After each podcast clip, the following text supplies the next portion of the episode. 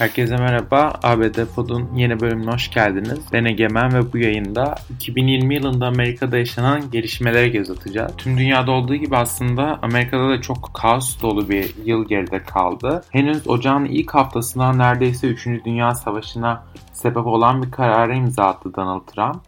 İranlı General Kasım Süleymani'nin ölümüne yol açan karara imza attı ve Kasım Süleymani öldürüldü.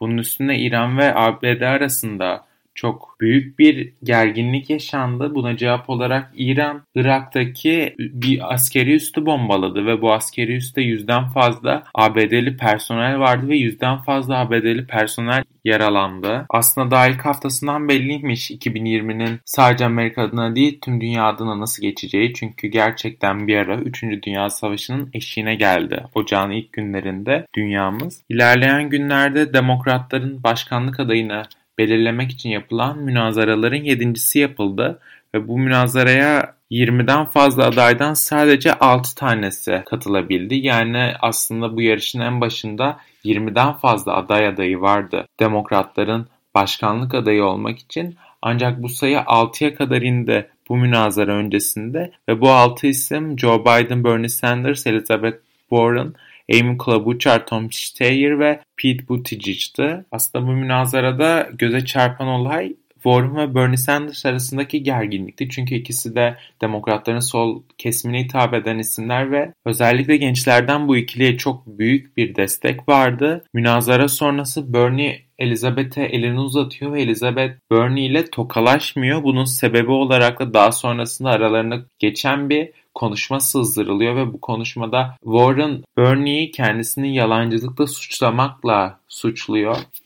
Bunun üzerine bu ikilinin arası uzun bir süre geriliyor ve daha sonrasında Warren Bernie'nin Biden'a kaybetmesi konusunda da suçlanan isimler arasında yer alıyor. Ocağın sonunda 30 Ocak'ta ise ABD'de ilk koronavirüs vakası görülüyor. Şubat'ta da hızlı bir başlangıç yapıyor aslında ABD siyaseti. Trump üçüncü kez ulusa sesleniş konuşması yapıyor. Ulusa sesleniş konuşmaları ABD başkan, başkanlarının yıllık rutin olarak yaptığı bir olay ve Donald Trump da bunu üçüncü defa başkanlığın üçüncü yılında gerçekleştiriyor. Konuşmasında Nancy Pelosi bir şov yapıyor. Demokrat lider Temsiller Meclisi'nin demokrat sözcüsü Trump'ın konuşma kağıdını ayağa kalkıp yırtıyor ve daha sonrasında bu yaşanan gelişme aslında medyada ve ülke siyasetinde geniş yankılar uyandırıyor. Bu sırada Trump'ın azil süreci vardı ve oylama yapıldı. Senatoya geldi azil süreci ve sonrasında senatodaki cumhuriyetçi çoğunluğu Trump'a akladı. Burada göze çarpan bir detay aslında Cumhuriyetçi Utah Senatörü Mitt Romney'nin demokratlarla birlikte Trump'ın azil olması yönünde oy kullanmasıydı. Ve Şubat sonunda da tüm dünya tarafından merakla izlenen Oscar'lar vardı. Ve aslında burada da sıra dışı bir şekilde Kore yapımı bir film olan Parazit en iyi film ödülünü kazandı ve bu aslında İngilizce olmayan bir filmin ilk defa en iyi film kategorisinde ödül kazanmasıydı. Mart'a başladığımızda demokratların başkanlık adaylığı süreci devam ediyordu. Ama adaylar da azalıyor da aynı zamanda. Mart'ın hemen başında Pete ve Amy Klobuchar adaylıktan çekilerek süper salı dediğimiz aslında bu sürecin en önemli seçimi, ön seçimi öncesinde adaylıktan çekildiler ve Joe Biden'ı desteklediler. Bu da aslında çok fazla şey ifade ediyordu. Çünkü Amy, Pete ve Biden üçlüsü merkezi politikaları ve görüşleri olan isimler olduğu için birbirlerinin oylarını bölüyorlardı. Bernie ve Elizabeth Warren ikilisinin karşısında. Dolayısıyla bu ikilinin çekilip Biden'ı desteklemesi Biden'ın Süper Salı'da büyük bir galibiyet kazanarak Bernie ve Warren ikilisini hizmete uğratmasına yol açtı. Süper Salı'da hizmete uğrayan bir başka isim de eski New York Belediye Başkanı milyoner Michael Bloomberg'tü. Bloomberg aslında yarışa çok sonradan katılmıştı çünkü aslında ön seçimde daha önemli olan yerlere odaklanıp bütün parasını oralara harcamıştı. Aslında zaten para sıkıntısı yoktu ve bu daha önemli olan ön seçim eyaletlerinde büyük reklamlar yaparak bu seçimlerden galip çıkarak demokratların adayı olabileceğine inanıyordu. Ancak bu bu şekilde gelişmedi. Özellikle başkanlık münazaralarında çok kötü bir performans sergiledi Özellikle bir münazarada Warren tarafından adeta rezil edildi. Dolayısıyla geç başladığı yarışı erken bitirdi ve aslında harcadığı milyon dolarlar da boşa gitti. Bloomberg'den sonra bir isim daha yarıştan çekildi ve aday sayısı, aday adayı sayısı 3'e düştü yarışta. Çekilen isim Elizabeth Warren'dı. Elizabeth aslında Bernie ekseninde daha sol politikaları savunan bir isim olması sebebiyle çekildikten sonra da Bernie'yi desteklemesi bekleniyordu. Çünkü aslında Warren desteği olmadan Bernie'nin Biden'a karşı kazanması çok da kolay olmayacaktı. Ancak beklendiği gibi olmadı. Önceki aylarda yaşanan gerginliklerinden dolayı Warren kampanyası Bernie'ye karşı herhangi bir desteğini açıklamadı. Dolayısıyla Bernie destekçileri tepkiler yağdırdı Elizabeth Warren ve Warren kampanyasına.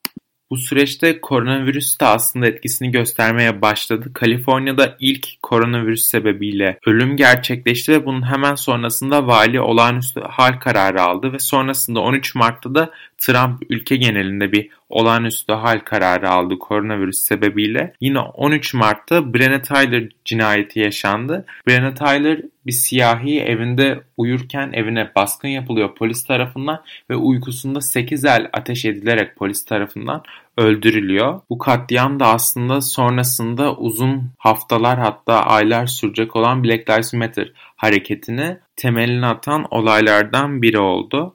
26 Mart'ta ise İtalya ve Çin'i geride bıraktı Amerika Birleşik Devletleri koronavirüs vaka sayısı bağlamında. Nisan ayı aslında birçok demokrat için hayal kırıklığı ayıydı çünkü 8 Nisan'da Bernie adaylık yarışından çekildi ve Joe Biden yarıştaki tek isim olarak kaldı. Bu da aslında sol siyaset için, Demokrat Parti içindeki sol siyaset için büyük bir hayal kırıklığı oldu. 14 Nisan'da ise Trump sürpriz bir şekilde Dünya Sağlık Örgütü'nü eleştirerek sonrasında ABD'nin Dünya Sağlık Örgütü'ne sağladığı finansmanı keseceğini açıkladı. 19 Mayıs'a geldiğimizde ölü sayısı 90 bin, vaka sayısı 1,5 milyonu geçmişti. 25 Mayıs'ta George Floyd cinayeti yaşandı ve hemen sonraki gün 26 Mayıs'ta halk sokaklara döküldü. Trump olaylara Twitter'dan yetişmeye çalıştı. Yalan yanlış söylemlerle insanları suçladı ve aynı gün 26 Mayıs'ta Twitter ilk defa Donald Trump'ın bir tweetini yanlış ve yanlışa yönlendiren bir tweet olarak işaretledi. Ve aslında bu da Trump'ı daha da sinirlendirdi. Ertesi gün 27 Mayıs'ta Trump bu sefer Twitter tehdit etti ve Twitter'ı hatta sosyal medyayı kökten kaparım tehdidinde bulundu. Kimse buna aldanmadı. Haziran ayında günlerce süren Black Lives Matter protestoları vardı. Halk sokaktaydı. Ve 20 Haziran'da Trump da sokaklara indi. Trump seçim kampanyasını resmen başlattı. İlk mitingini Tulsa'da düzenledi. Ama çok düşük bir katılım vardı çünkü Twitter kullanan ergenler tarafından trollenmiş de Trump'ın bu mitingi.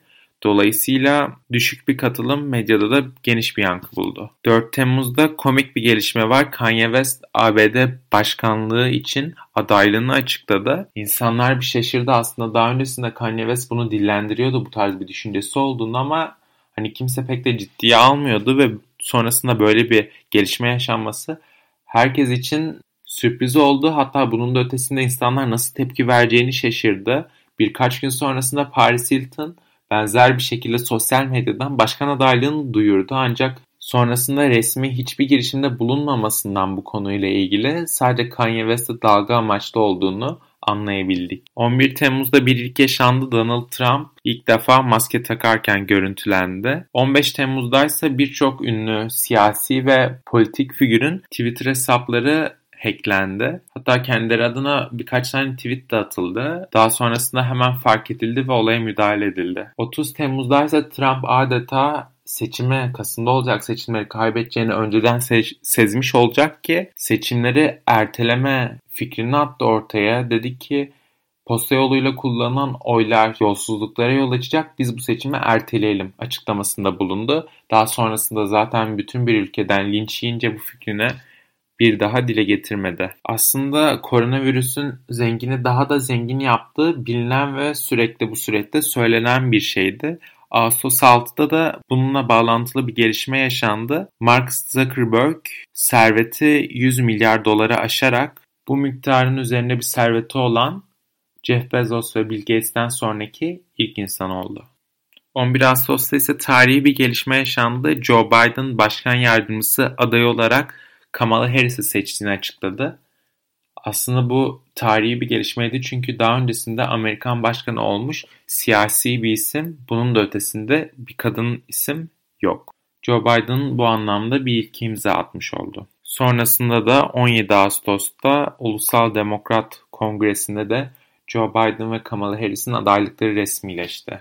Ve 4 günlük süreçte demokrat figürler çeşitli etkinliklerle, online düzenlenen etkinliklerle halka seslendi. 6 Eylül'de Kaliforniya'daki yangınlar tarihi bir hasara yol açtı. Bütün ülkenin ilgisi zaten uzun bir süre Kaliforniya'daydı.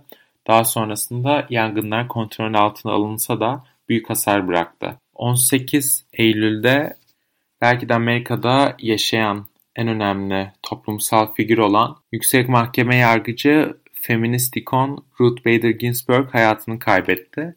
Hemen sonrasında jet hızıyla Donald Trump ve Senato'daki çoğunluk lideri Cumhuriyetçisi Mitch McConnell, Ruth Bader Ginsburg yerine yeni bir kadın yargıç atacaklarını açıkladılar. Ancak buradaki temel sıkıntı yaklaşan bir seçim olması ve bu seçimden sonra da aslında başkanın değişebilecek olmasıydı. Dolayısıyla 2016'da Trump seçilmeden önce yapıldığı gibi bu sürecin sonraki sürece yani başkan seçildikten sonraki sürece bırakılması talep edildi demokratlar tarafından. Ancak Donald Trump ve Cumhuriyetçiler bildiğini okudu. Sonrasında Amy Coney Barrett'ın önce aday gösterdi Donald Trump bu yetki başkanlığı çünkü. Sonrasında da Senato'daki Cumhuriyetçiler Amy Coney Barrett ismini onaylayarak Yüksek Mahkemenin yeni yargıç ismini belirlemiş oldular. Eylül ayının sonunda da 29 Eylül'de Biden ve Trump arasında ilk başkanlık münazarası gerçekleştirdi. Ülkeyi tamamen kutuplaştırmaya yönelik çok gergin bir ortam vardı ve sonrasında da bütün medya kaybedenin Amerikan halkı olduğunu belirtti bu münazara sonrasında. Ekim ayında bir suikast girişimiyle çalkalandı Amerika. 8 Ekim'de Demokrat Michigan valisi Gretchen Whitmer'a bir suikast girişimi düzenlendiği ve sonrasında bunun önlendiği FBI tarafından duyuruldu. Sansasyonel bir gelişmeydi çünkü Gretchen Whitmer, Donald Trump'a karşı olmasıyla bu korona sürecinde Trump karşıtı politikalar gütmesiyle bilinen demokrat bir isim ve demokratların aslında yerel yönetimlerde önde gelen bir ismi. Dolayısıyla bu tarz bir gelişmenin gündeme gelmesi ülke genelinde kutuplaşma bağlamında büyük kaygılar uyandırdı. 31 Ekim'de ise Stanford Üniversitesi'nin bir araştırması sızdırıldı. Bu çok ilgimi çeken bir gelişme olduğu için paylaşmak istiyorum. Bu araştırmaya göre Trump'ın mitinglerinin bu süreçte son birkaç ayda yaptığı mitinglerin 700'den fazla insanın ölümüne ve 30 binden fazla yeni vakaya sebep olduğu belirtildi Stanford Üniversitesi tarafından. Kasım ayı seçim ayıydı. 3 Kasım'da ülkede genel seçimler yapıldı. Aslında zaten uzun sürmesi beklenen bir seçim süreci vardı. Özellikle başkanlık seçimi adına. Çünkü posta yoluyla kullanılan çok fazla oy vardı. Dolayısıyla bunların sayımı bir günden fazla sürmesi bekleniyordu. Öyle de oldu ancak seçim gecesinde Donald Trump seçimi kazandığını ve bütün posta oylarının sayılmasının durdurulması gerektiğini açıkladı. Bu da ülkede kaosa yol açtı. Bunun akabinde 4 Kasım'da zaten önceden planlandığı gibi Trump yönetimi ABD'yi resmi olarak Paris İklim Anlaşması'na taraf olmaktan çıkardı. 7 Kasım'da ise genel seçimlerden 4 gün sonra resmi olmayan sonuçlara göre Demokrat aday Joe Biden'ın başkanlık seçimleri kazandığı açıklandı önde gelen basın mensupları ve medya ajansları tarafından. 24 Kasım'da ise beklenmedik bir şekilde Elon Musk servetine servet katarak ve Bill Gates'i geride bırakarak dünyadaki en zengin ikinci insan olarak tarihe geçti. Kasım'ın son günleri ve Aralık ayı aslında Trump'ın seçim iddialarıyla dolu geçen bir süreçti. Daha sonrasında da bunun akabinde 14 Aralık'ta bu iddialara bağlı olarak Adalet Bakanı William Barr istifa etti. Çünkü kendisi seçimde Trump'ın iddia ettiği ölçüde seçim sonucunu değiştirebilecek bir yolsuzluğa rastlanmadığını belirtmişti. Dolayısıyla hemen sonrasında da istifa etti. Korona kapsamında yeni rekorlar kırıldı. Biden kabine üyelerine teker teker açıkladı ve Trump asılsız iddialarını sürdürmeye devam etti. Ancak bugüne baktığımızda, Aralık sonuna baktığımızda bu iddialar eskisi kadar güçlü değil. Çünkü Donald Trump'ın arkasındaki destek eskisi kadar güçlü değil. 2020 böyle kaotik bir yıldı. Zorlu günleri arkamızda bıraktık. 2021'de güzel günler bizleri kucaklasın. Dinlediğiniz için teşekkürler. Seneye görüşmek üzere.